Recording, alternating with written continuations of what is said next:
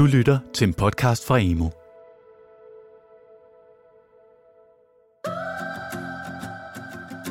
Næsten halvdelen af alle anbragte børn og unge gennemfører ikke folkeskolens 9. klasses afgangsprøver. Og mange af dem, der gør, får et dårligere gennemsnit end deres klassekammerater. Og den udvikling skal vendes. Men hvordan kan skoler og specialskoler bedst støtte de anbragte børn og unge i at blive så dygtige som muligt? Det spørgsmål dykker vi ned i i denne episode af Veje til Inklusion, som er delt op i to dele. Og dette er første del, som handler om at inddrage de anbragte børn og unge selv i at tage ansvar for deres faglige udvikling ved hjælp af læringssamtaler, og om som professionel omkring barnet at have de rette faglige forventninger til eleverne. Jeg taler med en ekspert, der netop ved, hvor vigtige disse to parametre er. Mit navn er Inge Brydrup. Jeg er adjungeret professor på Institut for Sociologi og Socialt Arbejde på Aalborg Universitet og placeret i Sydhavnen i København. Og så taler jeg også med en, der i praksis arbejder med disse parametre. Jeg hedder Tine Toft øh, og er lærer på Bogø Kostskole. Udover at være lærer, så sidder Tine også i en vejlederstilling på kostskolen. Mit navn er Simon Brix. Velkommen. Rigtig mange børn og unge, der vokser op uden for hjemmet, er fagligt udfordret. Set over en bred kamp klarer de sig ganske enkelt langt dårligere end børn og unge på deres egen alder.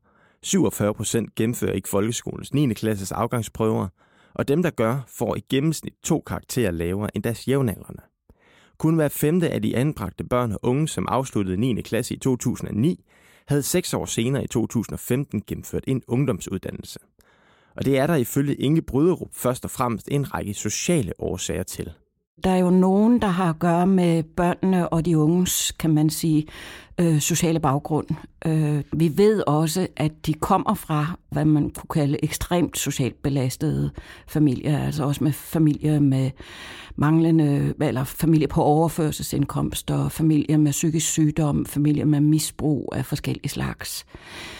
De har ofte forældre, der heller ikke har haft det særlig godt med den danske folkeskole, øh, og ofte heller ikke har bestået nogen prøver, og oftest heller ikke har en uddannelse. Og det betyder, øh, at der er rigtig mange gode grunde til, at de ikke kan støtte deres børn i skolegang. Og nu taler jeg om, før de bliver anbragt. Og det gælder lektiehjælp, at man læser højt for sine børn, at man har oplevelser, der kan understøtte læring, og det vil sige alt fra at gå i zoologisk have til at gå i biografen, til også at have nogen adgang øh, til IT, som mange af de her børn heller ikke har haft. Øh, mange af dem skal være glade, hvis de overhovedet har en telefon. Og derudover er det ifølge Inge også en afgørende årsag, når man i visitationen af børn og unge lægger mere vægt på at finde det rigtige anbringelsessted, og først derefter på at finde et passende skoletilbud. Det betyder, at øh, rigtig mange anbragte børn har store huller i deres skolegang. Omkring 40 procent skifter øh, anbringelser. Både første gang man anbringes, og når man skifter anbringelser, så bliver det at finde det rette skoletilbud sekundært. Og det hjælper jo heller ikke på øh, at understøtte øh, børnenes præstationer. På Bogø Kostskole, som er en kostskole med et specialtilbud, modtager de netop mange elever med en svær social baggrund, og hvor mange af dem også har haft perioder uden skolegang. De anbragte elever på skolen er fortrinsvist fra 6. til 10. klassetrin, og der er for tiden 32 elever. Det fortæller lærer og vejleder på skolen Tine Toft. De anbragte børn, det er elever, som, øh, kan, som har svært ved at komme i skole. De kan have faglige vanskeligheder, de kan have vanskeligheder hjemme i, i familien, som gør, at de, at de ikke kan fungere i den almindelige skole og ikke fungere hjemme. Når eleverne starter på skolen, er de ifølge Tine fagligt udfordret på flere måder.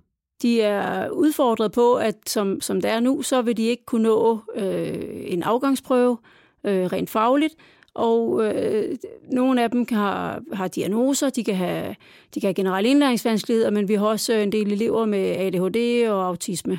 De har dårlige oplevelser øh, fra tidligere skole og, og har rigtig meget modstand mod at gå i skole. Øh, og, og mange af dem har eller ikke mange af dem, men nogle af dem i hvert fald, har haft enormt meget fravær fra skolen. Vi kan få en gang imellem elever, som ikke har været i skole i et eller halvandet år.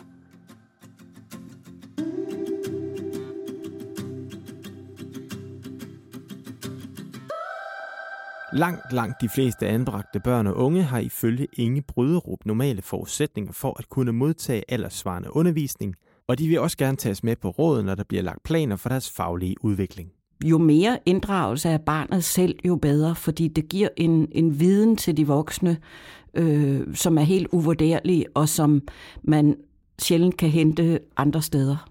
Øh, selvfølgelig kan man supplere med test og så videre, hvad man også gør, men, øh, men barnet er ekspert i sit eget liv, og de skal faktisk øh, ikke være ret store, for at de kan formulere sig om det.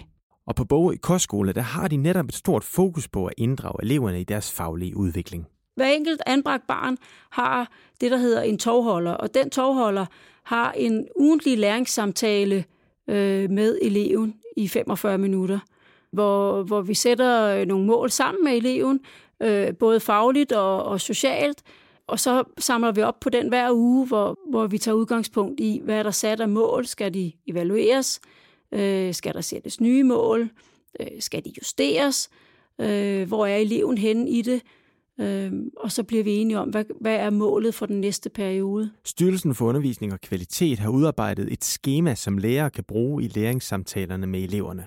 Og hvad bruger I sådan rent redskabsmæssigt i jeres øh, samtale? Bruger I det her øh, schema udviklet af ministeriet? Det gør vi. Vi har justeret det en smule. Vi bruger ikke øh, ministeriets udkast fuldstændig. Øh, men, men vi tager udgangspunkt i, i, hvor er vi henne nu? Hvad er det faglige mål eller det sociale mål?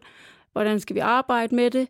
Og, og hvad er succeskriterierne for at nå målet, sådan så vi også har mulighed for rent faktisk at evaluere på det efterfølgende. Og hvordan er det så, altså I sætter nogle mål sammen med eleverne, og de får en form for medbestemmelse på, hvilken retning det hele det skal gå i, og så mødes I en uge senere, og så, og så er alt bare gået som det I aftale uden for?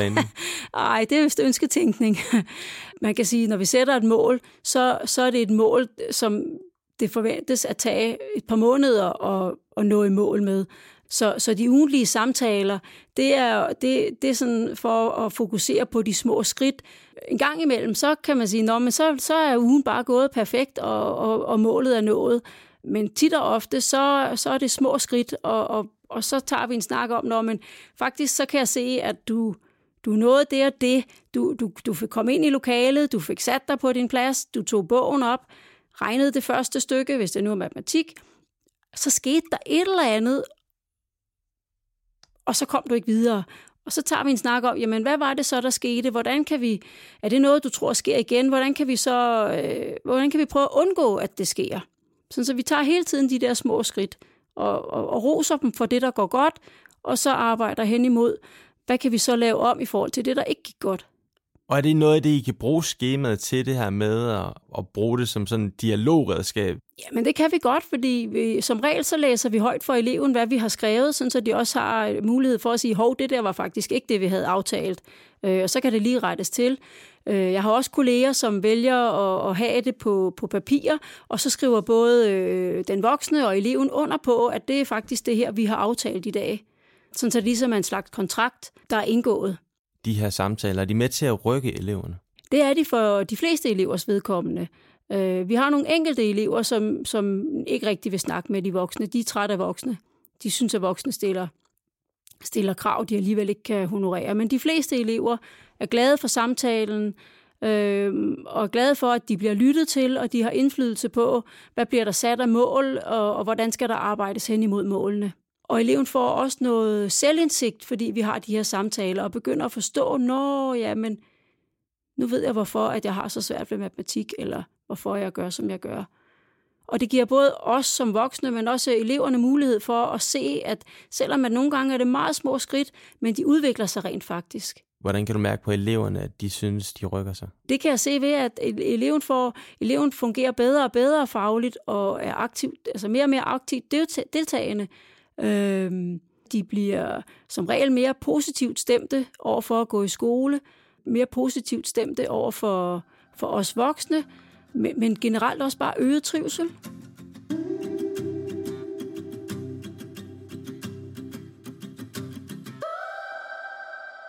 Mens det er vigtigt at inddrage de unge med ugentlige læringssamtaler, er det ifølge Inge Brøderup også utrolig vigtigt, at skolerne udfordrer eleverne i forhold til deres individuelle niveau. Forskning viser, at rigtig mange af de professionelle ikke har nogen forventninger til, at de her socialt udsatte børn kan noget og kan lære noget. Altså et meget lavt forventningsniveau. Og det er der ingen grund til at have. For det første så er det normalbegavede børn, der har haft en lidt svær vej før anbringelsen, men det er normalt begavede børn, og det er børn, der også gerne vil lære. Altså vide, at selvfølgelig kan de øh, udvikle sig både socialt og fagligt, hvis de får den rette støtte.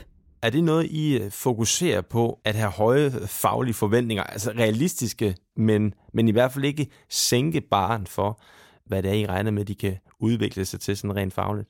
Vi gør det hver gang, at vi får indskrevet en, øh, et anbragt barn, at så er de i det, vi kalder indslusning i to til fem dage, øh, der tester vi dem fagligt, og så læser vi igennem, hvad der måtte være af, af papirer, børnepsykologiske undersøgelser, øh, børnefaglige undersøgelser, alle de her forskellige papirer. Øh, og så klæder vi lærerne på til at møde eleven, hvor eleven er. Og der skal stilles faglige krav, men de skal stilles i elevens nærmeste udviklingszone. Så, så derfor tester vi dem, sådan så vi altid kan sige, når man du var kun på 5. klasse niveau i dansk, så derfor så er det der, vi starter, og så tager vi udgangspunkt i det, og så rykker vi derfra. Så jeg synes, at vi, vi øh, gør et stort stykke arbejde for at, at møde dem der, hvor de er. Øh, sådan så de når i mål sammen med resten af klassen og får en succesoplevelse. Der er meget få børn, der anbringes, der er øh, på niveau med deres jævnaldrende i forbindelse med anbringelsen. Man kan sige, det i hvert fald i en periode efter barnet er blevet anbragt, kræver ekstra ressourcer. For barnet har brug for en opdatering eller oprustning, eller hvad man skal kalde det. I nogle tilfælde måske også næsten give undervisning i en periode for at få oprustet de her børn. Vi sætter støtte ind i, øh, i, i klassen nogle gange, eller de kan have, vi har, vi har, to, øh, vi har to tilbud, vi bruger, øh, i skolen. Vi har øh, noget, der hedder Kosmos, hvor vi ser, at eleverne egentlig godt kan følge en almen klasse, men, men har svært ved et par af fagene, så kan man gå i Kosmos og få, få ekstra hjælp, fordi der er flere ressourcer, så der sidder måske en eller to voksne til fem børn. Og så har vi øh, vores tilbud øh, Utopia, hvor hvis eleven er rigtig meget udfordret, når de starter på skolen, men så, så, så starter de der, og, og lære at gå i skole, lære at komme op og komme i skole, øh, stilles stadigvæk faglige krav, men ikke i så mange timer, fordi så er der også værkstedsfag. Og så sluser vi dem ud i klassen et fag ad gangen, indtil de til sidst er ude i, i alle relevante fag.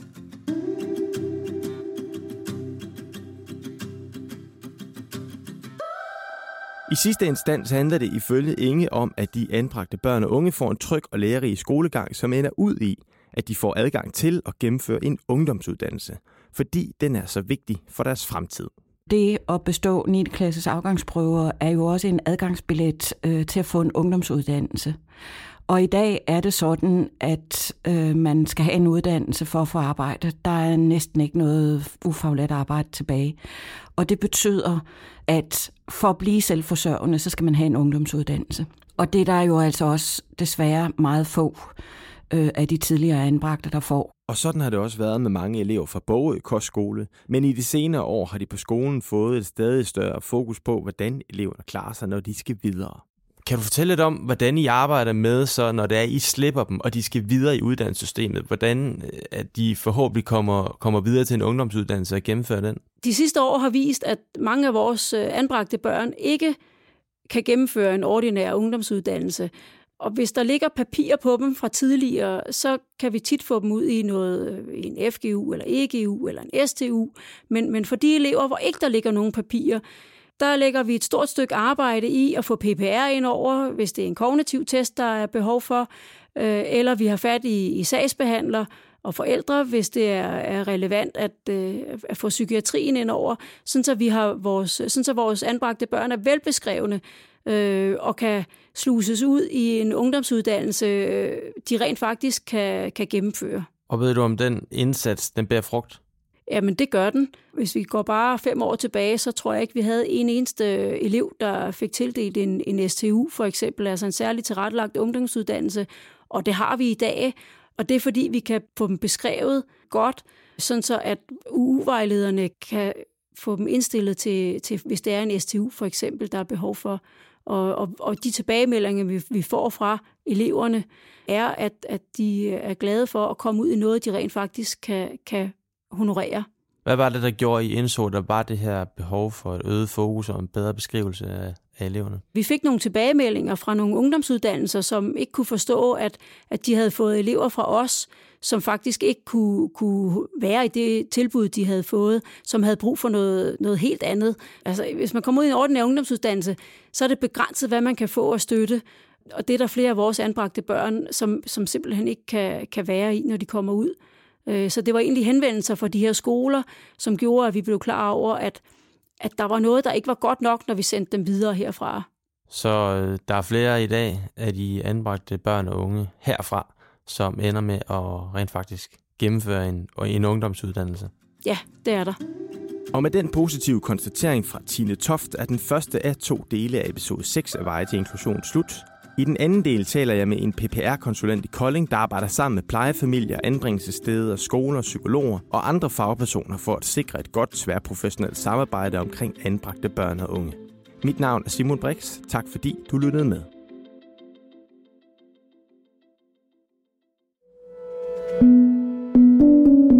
Du har lyttet til en podcast fra Emo.